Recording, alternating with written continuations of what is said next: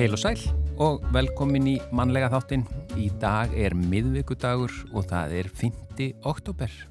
Og það var einmitt að þessum degi 1423 að Guðmundur Ríki Arason kvæntist Helgu Þorleifsdóttur, elstu dóttur Vassfjörðar Kristínar. Þessi viðunefni eru bara, það er alltaf einhvað, sko ég held að þessi viðunefni sé hljóti alltaf hafa verið búin til eftir á. Heldur að þau alltaf verið kölluð þetta beint. Nei, bara, ekki við fæðingu valla. Nei, ég menn ekki við fæðingu en ég menn að þau einhver, einhver staðar koma viðunefnin frá. Já, þetta menna eftir dauða þegar Ég held, að, veist, ég veldi fyrir mér. Mm. það hlýtt að því að svo oft þetta er nú svona með þeim uh, Svona fallegri bara. Já, já, bara að vera rík og, og, og vassfjörðar Kristín en þetta hlýtur að koma eftir dauðaðis eða, eða allavega, já Ég bara veldi þessu fyrir mér sko. Já, já, þetta já, er bara... Því að sum viðurnefnin eru mjög fyndin sko og skrítin. Já, mjög undarleg stundum já. og krefjast útskýringa en já. þetta svo sem segir sér sjálft með já, þessi. Já, já, hann hefur væntalega verið ríkur og hún frá Vassveri. Hmm. Eh, en Spánverja víin, eh, semst árið 1615, hópur baskneskra kvalveði manna var drepin við skaganaust ist á dýrafyrði. Já. Þetta er blettur á okkar sögu. Algjörlega. Barnablaðið Æskan hóf göngu sína á þessum degi 1897 og þar eignast nú margur pennavinni fyrir lífstíð. Já, já, frábært blað. Já, áttir þú svona pennavinni? E, já, ég átti pennavinni. Mm. Einn í Bandaríkjánum og einn í, í Breitlandi. Nú? Og já, en ég var bara ekki nótuglegur að skrifa. En var það í gegnum æskuna? Nei, það var endur ekki í gegnum, það var ekki í gegnum samt eitthvað, hvort það var í gegnum ABC eða eitthvað svo leiðs og svo var ofta auglist bara eins og í mokkanum já. eftir pennavinnum. Og hérna og svo þetta breytist, maður er einn útskýra fyrir börnunum í dag, ég var skiptinir mig í eitt ár í bandaríkjunum, löngu fyrir uh, internet. Og þá var bara, ég fór á hverjum degi inn á bókasafn og skrifaði bref til allra vina minna yeah. og svona og svo komu, þú veist, og ég áalega bunga brefum sem ég fekk frá vinum mínum og fjölskyldu út. Og það var ótrúlega spennandi alltaf að kíki það er meira spennandi að fá bara alvöru bref Já, auðvitað heldur en tölvupóst, það er það. Já. það er allt annu tilfinning. Já, það var engin ruslpóstur heldur allavega ekki til mín þá sko. Nei. Uh, en uh, árið 1946 á þessum degi þá samþykti Alþingi að veita bandaríkjónum afnót af landi á miðnesheiði. Og þessi samningur allir miklum deilum. Og melaskóli hóf starfsemi sína 1946 Dreyji var í fyrsta sinn í vöruhattrætti SIBS á þessum degi árið 1949. Já, hljómar komu fyrst ofinbellega fram 1963. Og svo var það hjónin Eiríkur Jóð Eiríksson og Kristín Jónsdóttir sem að gáfu bæjar og hérast bókasafnin á Selfossi, bókasaf sitt með 30.000 bindum. Eh, á þessum degi árið 1984 er þetta talin eh, einn mesta bókagjöf á Íslandi. Já, en yfir í efni þáttarins í dag. Já, uh, hið árlega árvekni og fjáröflunar átak Krabbameinsfélagsins bleika slaufan hóst í vikunni. Slagorðið í ár er sínum lit en bleika slaufan er auðvitað til einhver baráttunni gegn krabbameini hjá konum. Við viljum fá þar Ástís Ingolstóttur, framhaldsskóla kennar og rítöfund sem greindist með brjóstakrabbameini í tvígang uh, á, með fimm ára millibili og Höllu Þorvaldsdóttur, frangandastjóra Krabbaminsfélagsins, þær komið enga til okkar og fræð okkur um átakið í ár. Já, matvendni hjá börnum er algeng og yfirleitt í hámarki á leikskólaaldrinum, tvekja til sex ára, oft einskorðast fæðuvali við fáar eða einhævar fæðutegundir og skortir fjölbreytileika, ekki síst hvað var þar fjölda tegunda og magna af grænmeti og ávöxtum. Við ætlum að ræða við hana Berglindi Lilju Guðlöksdóttur, dóttorsnema í heilsueflingu, en hún ætlar að segja okkur frá sinni dóttorsrannsókn, bræðlauka þjálfun, fæðumiðuð íhlutun í leikskólum með þáttöku leikskóla stafsfólks og foreldra. Og uh, já, við heyrum meira um þetta hér á eftir, en þetta erindi er uh, verður líka kynnt á menta kvíkudögum eða kvíkudögum eins og þeir eru kallaðir núna næstu daga. Já, alþjóðlegi geðheilbriðistagurinn er haldinn 10. oktober ár hvert viðsvegarum heiminn markmiðið er að vekja aðtikli á geðheilbriðismálum, fræða almenningum geðrækt og geðsjúkdóma og sportna gegn fordómum í gard geðsjúkra. Vi, við fáum þau Guðrúnu Stælu Ágústóttur og Orra Hilmarsson til okkar, þau eru bæði í stjórn dagsins eh, til að fræða okkur frekar um þennan alþjóðlega geðheilbriðistrag og en slagord dagsins í ár er geðheilbriði að góðri heilsu. En tónlistin fyrst? Já, við byrjum á hljómum, það við vorum að greina frá því að þeir komu fyrst fram á þessum degi árið 1963. Þetta er lagið Er hann byrtist?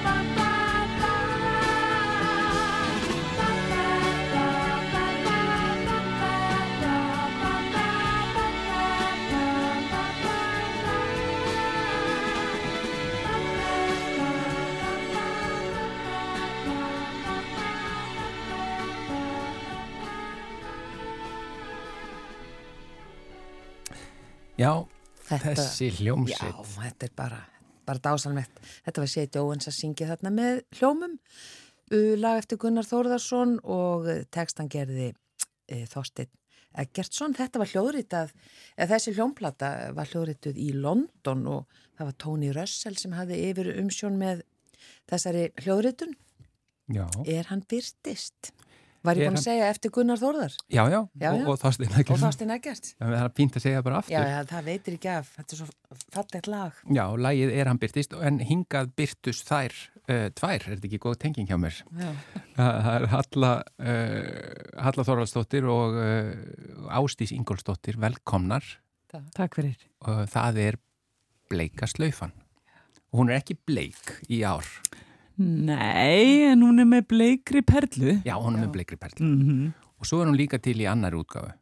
Já, já. Já. Sem er með hvað svona bláum steini. Nei, hann er Nei, dimmrauður. Já, Dimmi, já, já. djúbröður. já, þannig að sko, hann er þannig að hann fellur, hann flokkast sem bleikur á Já. góðum dögum. Já. Já, já, já. Já, það er sparislefan. Segðu það er okkur aðeins, hver, hver hannar hana í ár? Sko það eru hérna eh, Orri Finn, Orri Finn Bóðsson og Helga Friðrisdóttir sem að hanna slöfuna. Já, Bæð, og báðar útgáfurnar og, og hérna ég hljóma nú svona eins og hérna Bilu Plata því ég segi alltaf sko á hverju ári þá höldum við hjá Krafninsfélaginu við síðan komið allra flottustu útgáfuna í hendunar en svo verðum við alltaf steinhissa þegar við fáum næstu-. Já, topp, hún toppar sig alltaf já, sko hvort sem hún er flottust eða ekki, hún er mjög falleg. Hún Já, er mjög mjög falleg. falleg Já. en það sko eh, hérna er hún að seljast vel og það eru sjóðheitar fréttir af sparislöfunni sem er að seljast upp. Já, Það eru eftir, sko, hún er seld á þremur stöðum, sparislöfan. Mm. Hún er aldrei dýr, hún kostar 19.900 krónur en er eh, sko eh, hérna úr eðalmálmum, Mm. sinri og með gull eh, hérna þræði og, og rúbinsteini. Hún er seld á þremur stöðum hjá okkur hjá Krafninsfélaginu og hjá Orrafinn og hjá Mepa og það eru nokkur eintök eftir á þessum stöðum. Örfásæti laus. Það eru örfásætilegs og það er í alvörunni þannig. Já. En, En- hún er einstök. Já, hún er það og, og hérna eh, hefur fengið alveg svakalega góðar viðtökur og hinn slaufan reyndar líka en það er meira til af henni. Já, og, og hún er náttúrulega bara seld út um allt. Og við segjum bara kaupið bleiku slaufuna, það eru skilabóðin sem við bara þurfum að koma út. Krabbamins félagið er félag og það er alfarið eh, hérna rekið fyrir sjálfsafla fjö þannig að með því að kaupa bleikuslöfuna að þá náttúrulega er fólk bara að leggja sitt lóð á vogaskálunar. Það er beinlínis að gera sitt Mm. til þess að félagið getur svo borið þann stuðning áfram til þeirra sem að greinast með krabba megin og, og aðstandendur í, í ráðgjöfustuðningi. E, við notum þetta líka e, í rannsóknir og, og e, forvarnir og, og fleira og fleira.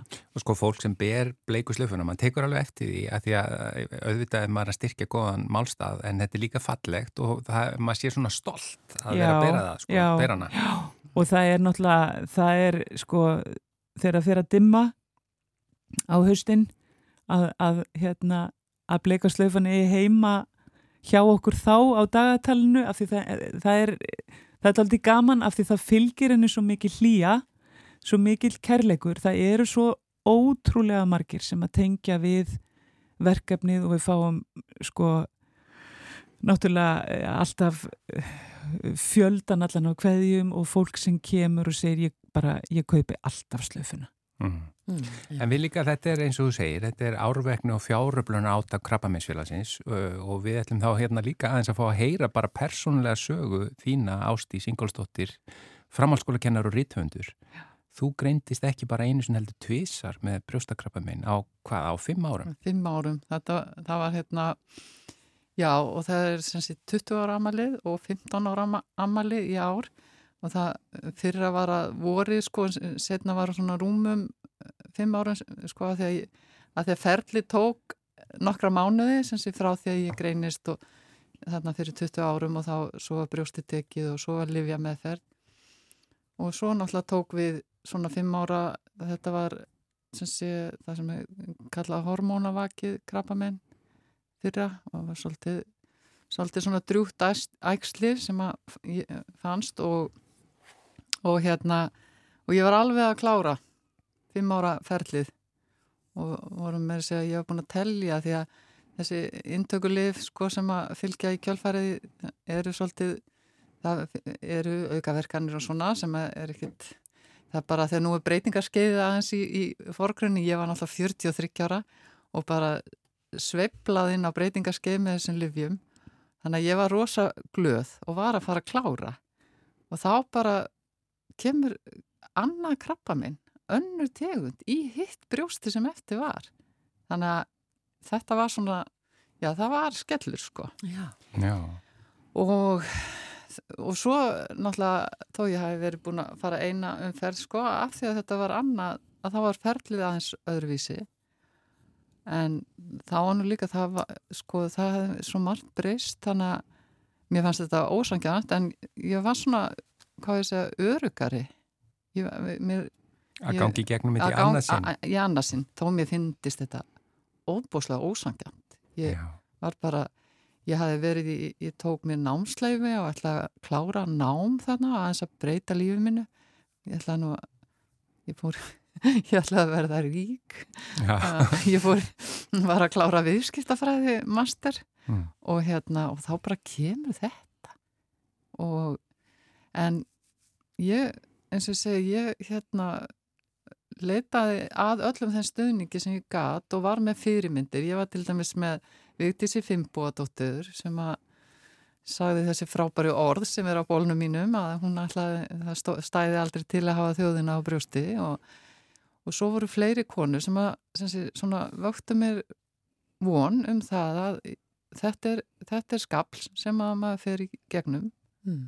Og svo bara var lagt að staða móka og þannig að þessar sigursögur í rauninni skipta mjög miklu máli. Já, mér, mér fannst það Já, ég var alveg og, og, og þetta líka sem sé að þessi stuðningur sem var í bóði, hann gekk ekki út á það að maður væri einhver sjúklingur, heldur einmitt út á það að þess vegna fannst mér kasta tilbata hjá krabbamennsfélaginu svo frábært að því að, að það var svona til að gera eitthvað að fara í fluguveiði saman allar konurnar, þú veist, Já. sem að höfðu og bara virkilega taka á með höndunum í, í staðis að fara, þú veist, að pakka sér saman í einhverja bómul það, sko, það, þetta skipti mig rosalegu máli mér hafði verið sagt í fyrra sinni að ég þurfti, já, þú verður nú á svona passaði að vera ekki að gera svona veist, og það er fyrir þetta er 20 árum, mm. svo bara hef, hafa hlutinni breyst. Ég taland um það að því að þetta er fyrir 20 árum og 15 árum ekki sett og það hlýtur hafa breyst talsvist á þessum tíma en þessi setning sem er á bólniðinu er yfir bara aðeins upp söguna því það er fyrir hvað 42 árum, árum um Já. það byl sem að Víkdís þurfti að, að, að halla ef þú getur rifjað upp þessu sögu.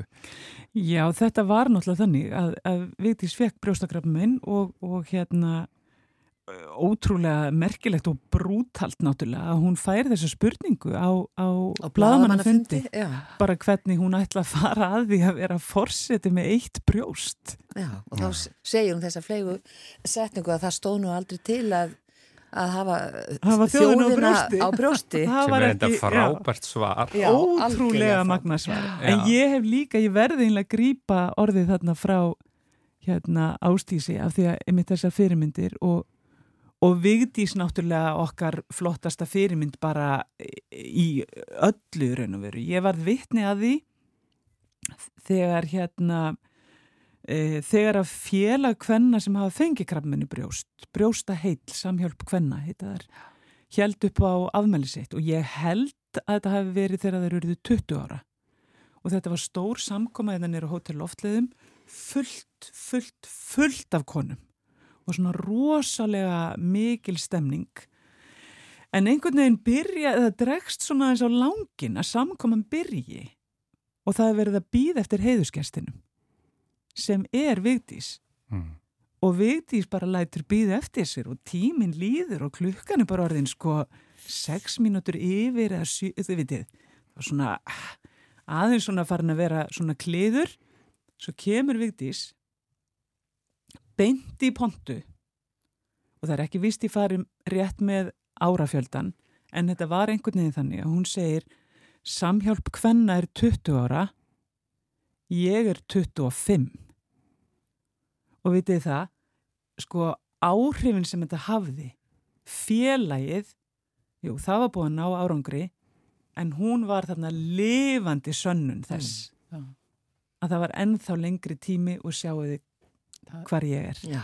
þetta var bara þessar sögur, þessar fyrirmyndir þetta skiptir öllu máli sko og, og Ástís hefur svo náttúrulega verið svo ótrúlega rausnarleg við okkur hjá Grafminsfélagin að lána okkur heila ljóðabók sem hún skrifaði um sína reynslu og núna má sjá við að um bæinn svona svolítið skrítnar setningar lífið er að, hvernig er þetta? Gefa, Döðan í allan djöfulin já, sem er útusnúningur á að gefa döðan og djöfulin í eitthvað. Já, en ég, það er kannski ekki allir sáttir við svona orðbrag en þetta er, það er nefnilega bara vísindarlega sannað að eitt sem styrkir okkur það er að bölva.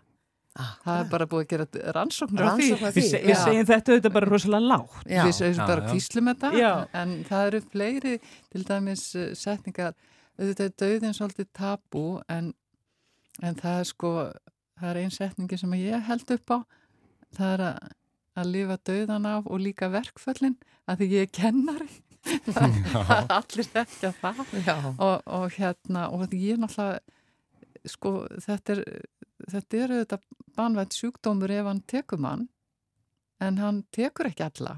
Þetta er maður það, ég allavega ég lifði döðan af og líka verkvöldin þannig að hérna er ég. Takk fyrir að deila þinni sögu Ástís Ingolsdóttir og Halla Þorvaldsdóttir. Takk líka fyrir að koma. Eh, það er bleikaslaufan Eh, þú er búin að regja upp allstaðar þar sem hægt er að selja slaufuna eða kaupa slaufuna.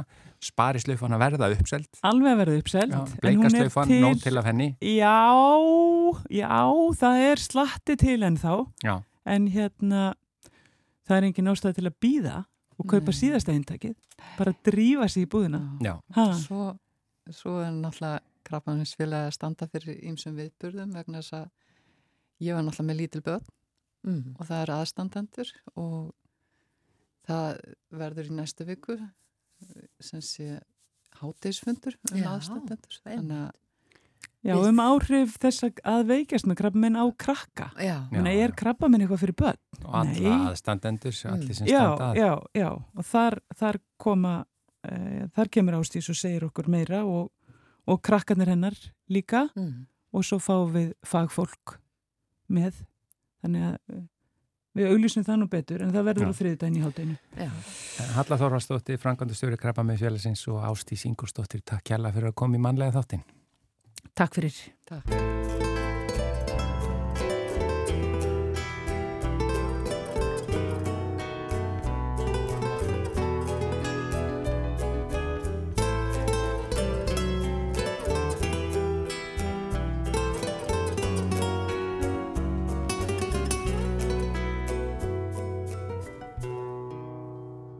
Bésame,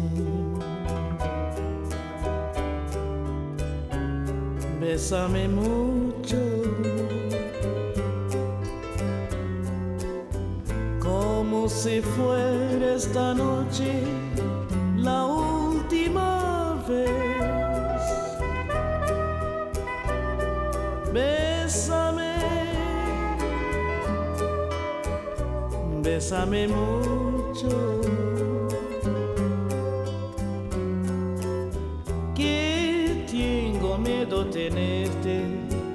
Perderte después. Bésame, bésame mucho, como si fuera esta noche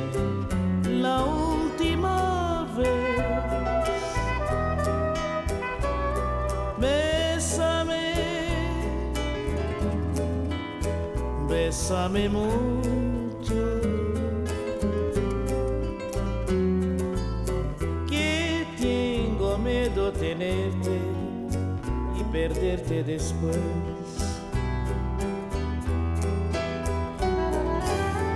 Quiero tenerte muy cerca, mirarme en tus ojos, verte junto a mí. Piensa que tal vez mañana ya estaré muy lejos, muy lejos de ti. Bésame, bésame mucho. Como si fuera esta noche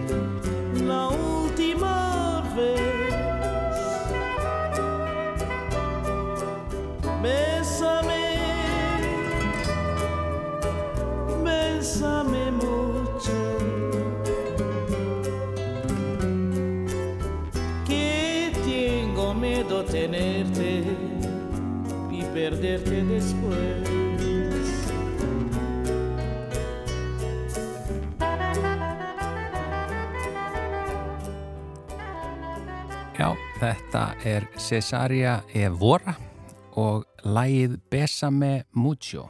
Já, hinn geysi vinsala ráðstefna Menta Kvika fer fram núna dagana 7. og 7. oktober og þar eru kynntar nýjustu rannsóknir sem tengjast mentavísindum, skóla og frístundastarfi í landinu og, og fleiru.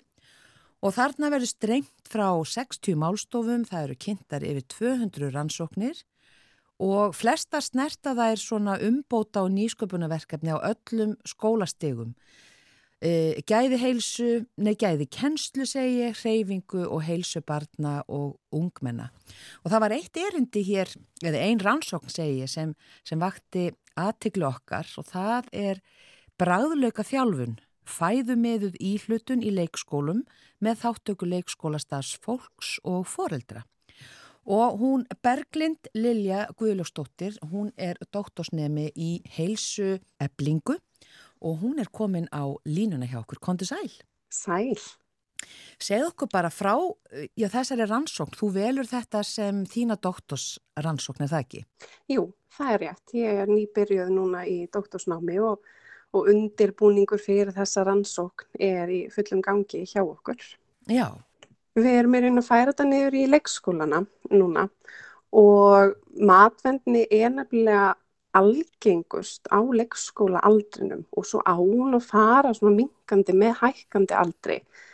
Þannig að við vildum aðtöku hvort að þessar aðferðir sem við notum í fyrirrannsókninni á grunnskólabörnum uh, myndi virka fyrir leikskóla aldurinn og erum því bara að fara að þróa aðferðirnar áfram og aðlaga að leikskóla umhverfinu og aðtuga hvort að aðferðirnar virki til að koma í rauninni svona minka þessa aukningu sem verður hérna á leikskóla aldrinum í matvendinni. Já, og hvernig fer þetta fram? Já, það er góð spurning. Við erum að vinna bara að undirbúningi núna og við munum vinna þetta svolítið saman með leikskóla starfsfólki til þess að fá þeirra insýn í leikskóla umhverfið og hvernig sé best að aðlaga aðferðinar að því en í rauninni í grunninn snýst bræðluga þjálfunin um að börnin eru þjálfuð í að smakka og upplifa mat með öllum skinnfærum sínum. Þannig að við erum með leikin og gleðina að leiðarljósi þannig að við erum svona íta undir ánægjuna af því að borða og tengja jákvæðar upplifanir við matin. Já, og svona hvað eru þau að smakka, hvað notið þið? Um, í fyrirrannsókninni þá notuðu við aðalega græmiti og ávexti sem er, eru þær fæðutegundir sem að gerðnan skortir í matræðið hjá matvöndum börnum og en við leggjum einni áherslu á bara jörtafæði, fræ og svoleiðis þannig að það er svona aðalega græmyndið og ávextinir sem að við leggjum mesta áherslu á. Já, nú, já, kannski er ég dáliti undrandi á ávöxtunum að því maður hefur nú haldið að þeir væru sætur á bræðið. Já, þeir eru rauninni koma aðeins betur út. Við náttúrulega erum svona, ef við horfum á þetta í þróunarlegu samengi að þá fæðumst við með þessa innbyggðu löngun í sætt. Við þurfum ekki að læra að meta sæta bræðið, ekki eins og þetta beiska bræð sem er af græmitinu. Þannig að við leggjum í rauninni kannski aðeins meiri áherslu á græmitið en ávöxtinir koma samt þarna með að því að í rauninni er bara neysla á græmitið og ávöxtum langt undir ráðleggingum, bara hjá öllum aldursópum. Já, og skeru við okkur þar úr bara ef við horfum til nágranna landana? Við erum á svona svipuð róli og nákvæmlega en það hafa sum nákvæmlega um, hækkað sagt, ráðleggingarnir hjá sér þannig að sum er ráðleggja alveg upp í sjö til nýju skamta af ávöxtum og græmiti á dag en við erum svolítið höfum verið að mæla með þessum fimm skamtum þannig að við erum svona erum samt að sveipu róli í neyslunni en við mættum gerðan gera aðeins betur. Já, Hvaða grænmeti er það sem, já, kannski kemur best út og, já, þá kannski vest? Það er rosalega misjönd bara eftir börnum. Það er alveg bara, það, það er bara allur skalin á þessu. En það sem að hefur kannski svona oftast verið uh, komið vest út er eins og spergilkál og þessar káltegundir. Það sem að er svona þetta sterka, biska bræð en annað eins og þetta bræð döfara sem er eins og agúrka og þess að það hefur komið svona aðeins betur út, má segja. Já, og ég hitti krakka sem hafa bara aldrei smakkað grænmeti. Já, í rauninni, margir sem hafa ekki smakkað grænmeti og, og þess vegna er mjög mikilvægt að við tökum á öllum þáttunum, við tökum á uh, erum að fara með þetta inn í leikskólan þar sem að börnin eru mest allan uh, daginn sinn og borða margar máltegir en svo þurfum við náttúrulega líka að hafa fóaldra þáttin í huga og í rannsókninni okkar að þá taka fóldrarnir þátt að því að skiptir náttúrulega líka máli að hafi þetta í bóði heima og fóldrar séu góð fyrirmynd og þess aftar þannig að að samfélagið í heild við séum svolítið svona að, að hérna, hafa áhrif á það. Já. Það hefur alveg, rannsókn hefur syngt að börn eru gerðan kvíðin í kringum mat og matmálstíma þar sem að þau eru að sjá hér óþekta í rauninni ef þau kannast ekki við matvelin sem eru í bóði. Þannig að með því að hafa þetta fyrir augum og og fá að, að snerta matinn, þefa, hlusta á hann, að þá eru við svolítið svona að læra inn á hann og þekkja hann og minga þetta hér óþekta sem er svolítið stór þáttur í matvendinni. Já, það er stór þáttur í matvendinni. Einmitt, og kannski gefa þeim þennan tíma, þurfaðu kannski stundum tíma til þess að smakka? Já, algjörlega, þau fyrir að taka þetta bara á, á sínum tíma og, og mikilvægt að hafa ekki neina pressu á þeim að þau þurfi að smakka matin en eitt svo að lesa því að það getur rauninni bara e, gert alveg öfugt, ítt meira undir matvennina og þess að neikvæðu upplifunar í tengslum við matin og það þarf alveg upp í 8-15 skipti til þess að, að við svona um, lærum að þekkja matin og könnumst við hann. Já. Hvað kom út úr já, rannsókninni sem gerð var á þessum yngstu stegum í grunnskólanum? Hver var niðurstaðan? Þar voru bara mjög góðar niðurstöður og, og námskeið virkaði vel. Það var sem sagt sjövikna námskeið þar sem að börn með og án tauga þróskaraskana þar að segja ADHD og einhverfu ásamt fjölskyldum þeirra tók þátt og þar notu við þessar sumu aðferði að að þjálfa því að smakka og upplifa matin með öllum skinnfærum sínum. Og matninni mingaði markvist hjá börnunum eftir þáttöku í námskeinu og, og sáum að það var óháð þessum röskunum. Þannig að þessar aðferðir eru að virka bæði fyrir börn með raskanir og án þeirra. Og þessi áhrif heldust til sex mána sem er ekki alveg sjálf gefið í svona rannsóknum. Og, og það sem kom okkur kannski mest óvart er að að ánægjan af því að borða, hún jógst líka. Þannig við erum ekki að bara að draga úr matmyndni, heldur að auka ánægjuna í tengslum við matmálstíman og, og þess aftar. Já, og heldur að verði svipaða niðurstöður uh, hjá hérna leikskóla börnunu sem þú ert að rannsaka núna? Ég vona það svo innilega. en hérna, en já, þetta er svolítið svona um, erfiðari aldur þar sem að, að matvinnin er alveg í hámarki hérna á þessum leikskóla aldri. En við, við vonum besta og hérna erum mjög spennt að sjá hvernig, hvernig þetta fer allt saman hjá okkur. Já. Og uh, niðurstöðunar úr uh, hinni rannsókninni þar að segja meðal grunnskólabarnana, hún verður kynnt núna eins og við sögum hérna í upphafi á Já. eða í mentakviku á hérna þessum dögum 7. og 7. oktober. Mm -hmm. Já, við erum búinar að gefa út fjórar vísindagreinar með niðurstöfum úr þessari rannsókn og erum að fara að kynna einmitt núna á förstu dæn og mentakviku eh, niðurstöfur úr nýjustu útgefnu rannsókninni.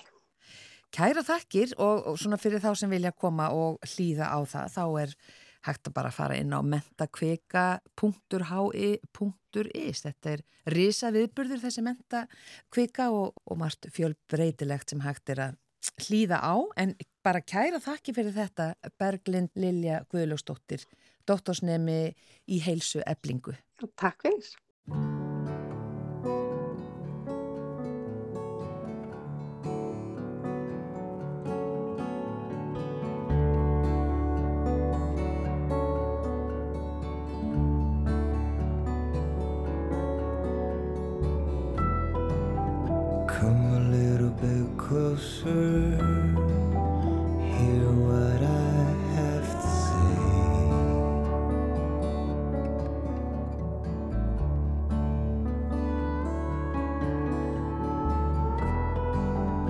just like children sleeping.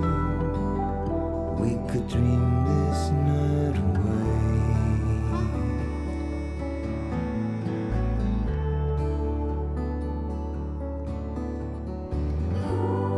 But there's a fool.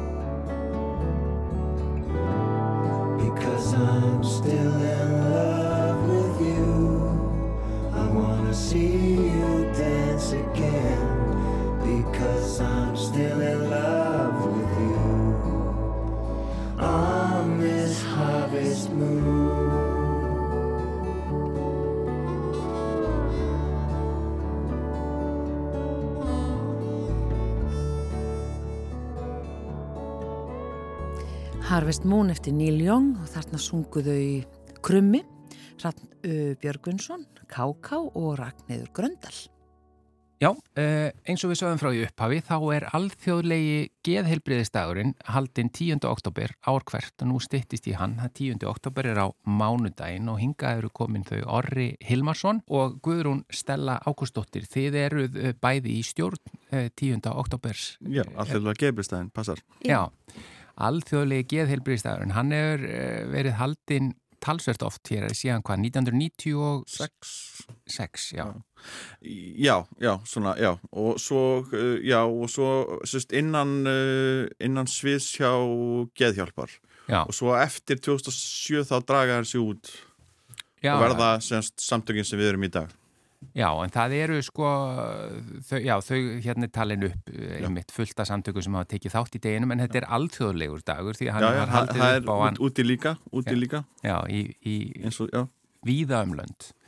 Uh, en hver er ykkar svona, þið eru bæði í stjórn þessa dags, þú ert eh, formaður eða frankantistjóri, formaður. já, hver er ykkar svona tenging við félagið? Ég hérna, heyrði á sig gegnum hérna hugarafl. Já, En hún er semst óvirkur þar núna í dag. Já, Og ég kem frá hlutverkasetri já, uh, og við, við, semst, í gegnum það þá kom ég einhvern veginn í gegnum, í gegnum þessi samtök sem eru í dag, gegnum það í raun og veru. já. Og er mikið þar í raun og veru. Og þið hafi bæði ykkar eh, persónulegu reynslu af geðheilbriðistjónustinni? Já, Ég er á einhverju rói Já, og Já. það svona kemur margt svona sem tengir skeiðhelbriði þar líka. já. En þú, Ari? Ég er náttúrulega bara, þú veist eins og allir, það er allir með eitthvað geð. Þú ert með geð, hún er með já. geð. Við erum bara eins og, eins og, eins og legubílstörn sem sagði, við erum bara með skeðvegg, sko. Já, já, Og, og, og, og, og, já, og ég nefndi einn ein dráð þeirra og hann sagði já, já, akkurat. Veist, geðheilsa er bara svona heilsa í heila. já, algjörlega. Þetta er bara heilsa og, og við erum bara fagna, sérst, við höldum þetta eins og segi í biopartís og, og það er bara allir velkomnir. Þess vegna erum við að, sérst, búða bóðskapin fyrir því að allir mæti og það er bara hvort þú sért með geð eða veikt geð eða gott geð, það skiptir ekki, þú mátti velkomin og hlusta á Omnipus eða hlusta á Dís eða, eða, eða hlusta á Heiðu Hals. Já, og, og e, slagorð dagsins í ár Já. er geðheilbriði að góðri heilsu. Passar. Já, að því að eins og þið eru bara akkurat búin að vera að lýsa núna, þetta bara allir eru með heilsu, allir eru með geð og allir þurfa að hugsa Og þeir sem eru að hlusta endilega mætið, gamlir sem ungir og að, bara sprækir sem lækir, skiljur. Spræki sem lækur, já. hérna, e, bara hafa gaman, þetta er bara, þú veist, hafa, þú veist, bara, þú veist, þetta sé okkar dagur og fagna því, skiljur. já, þetta er vitundavakning Já, líka. vitundavakning. Já, Þetta, þetta er mikið verið í rauninni að, þetta, þessi, þetta hefur ekki verið rætt kannski nógu mikið í gegn tíðan, þetta hefur verið feimnismál.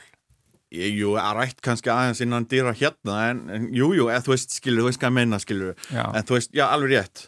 En eins og við segjum, það er náttúrulega, sko, svo eru að sækja styrki eins og hér og þar og, og mér finnst við fáum svona ekki mikið burðuð þar, sko, bæði frá ríki og borg, sko. Er það meina til að halda daginn Já, það var ekki haldin í fyrra, vant út af því, Já, en við gátum haldið það núna. já. Þannig að, Ég er að segja að þú veist þetta, ég stend einn í þessu að læti styrkjum og ég er að fara að sækja styrk til, til borgarinnar vantilega núna bara í. Og til þið, borgarinnar, til, til Dabbi Akessonar. og þið eru einmitt, borgin hefur verið að styrkja en ekki nóg. Nei, Og heilbriðisráðunitið, félagsmálur. félagsmálaráðunitið, já. Og svo er það er líka bókaútgáfa, sé ég. Já, það, já þessist, sá sem skrifaður um, hann gaf okkur bókinu, hann var gjaldkeri og, og, og reyndar, eins og segja, ég er tvöfaldur í róðinu, ég er gjaldkeri og formaður. Já, Hann hætti á miður tíðanbili sérst vegna veikinda en það er svo sem leið með það en eh, hann sérst gaf okkur bókina og, og hérna og við erum bara sérst, já, ég er að selja þetta bara innan mína fjölskyldu, er raun og veru. já. Já, en ég menna allur ágóði af Já, sölu já, fer inn á reikning dagsins í raun og veru. Já, þetta er bókin Glímt við geðklofa, Já. reynslusa Garðars Sölva. hún er líka til í, hérna, við seljum hennar líka en það er bara, já, einhver sex eintök, sko, það farið vel, sko. Já, Og fe fengum þetta gefin frá þeim sem gáðu út bókina, er raun og veru. já. Og hva- hvar er hægt að nálgast þessa bók, segir Hjá mér, það sem eftir er sex eintök og í, held ég, Eymundsson. Já. Og, og ég menna inn á 10.oktober.com þar er hægt að finna allar upplýsingar líka um það hvernig þetta styrki ykkur. Nei, raun og veru ekki sko. Nú, Ef við erum ekki með, við þyrftum að gera, þú veist, það, við erum bara ekki komnir lengra í því, þá þyrftum við einhvern veginn að, já, það er bara Facebook síðan þá hafa samband, við erum með Facebook síðu, þyrftum einhvern veginn að gera einhvern link, er það ekki Guðrún Stella? Jú, Jú, með það að sína, við erum ekki komni með að sína, þú veist, regnisnumur og bankanúmer, nei, ekki þannig, sko. já, en Ekki, það nei, endilega komið því að... já, endilega, já, það kannski, Það góð senda á þig kannski bara. punktur. Já, það, að því að ég er vissum að það sé mikið af fólki og núna hlustendum sem að myndu vilja styrkja. Æði, það er bara frábært. Já, uh, en uh, dagskráin er uh, á mánudaginn 10. oktober, Já. þarna kemur til dæmis fósetti Íslands fram, hann Já. er vendari dagsins ekki Að, sem. jú, hún, og- hann og konan hans, Já, þau eru bæði vandari dagsins. já, og, og uh, þarna koma fleiri fram. Já, já, Bjarni, Bjarni Töframæður og Einar Þorsteins og Heiða Hals og, og Maniko Dís Já, og Omnipus verða í lokin. já, já. Þannig að dagskráin hefst klukkan 2, uh, 10. oktober, Mæ, mánudaginn ma, 10. mæta oktober. snemma. Mæta snemma í Bíóparadís. Ég bara þakka ykkur innlega fyrir komuna, Orri Takk, takk. Hilmarsson og Guðrún Stella Ágústóttir. Takk sem er leiðis. Takk og, og gangi ykkur vel með þetta Já, og nú takk. veit fólk að þessu og endilega farið inn á 10.8 eða 10.8.com þar er þetta að fá frekari upplýsingar og um það vonandi setið í fljóttin upplýsingar um Já, það við hvernig þurfum er að hægt gera að það bara styrkja. Góð hugmynd, Gunni. takk einlega fyrir komuna í mannlega þáttin. Takk, takk.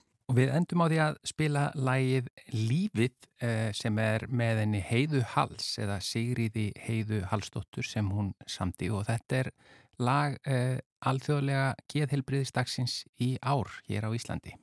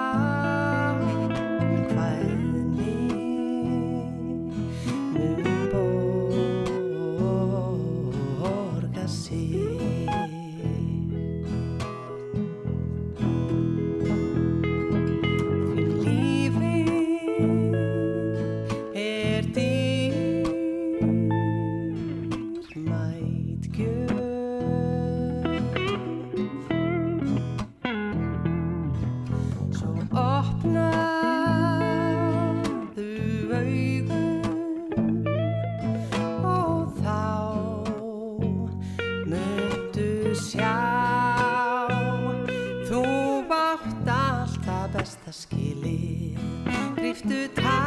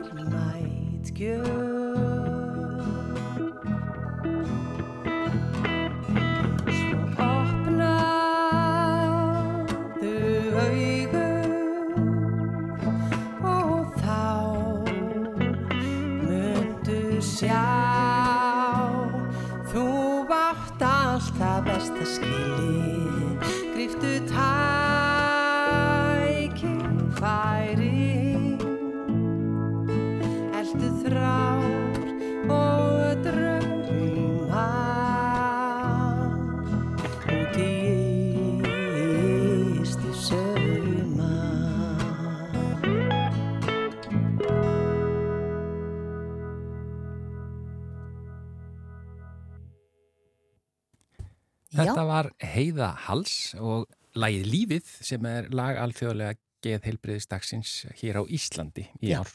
Akkurat. Og með því hverju við ykkur, kæru hlustendur, e, þennan miðvíkudaginn, heyrumst aftur á morgun. Veriði sæl.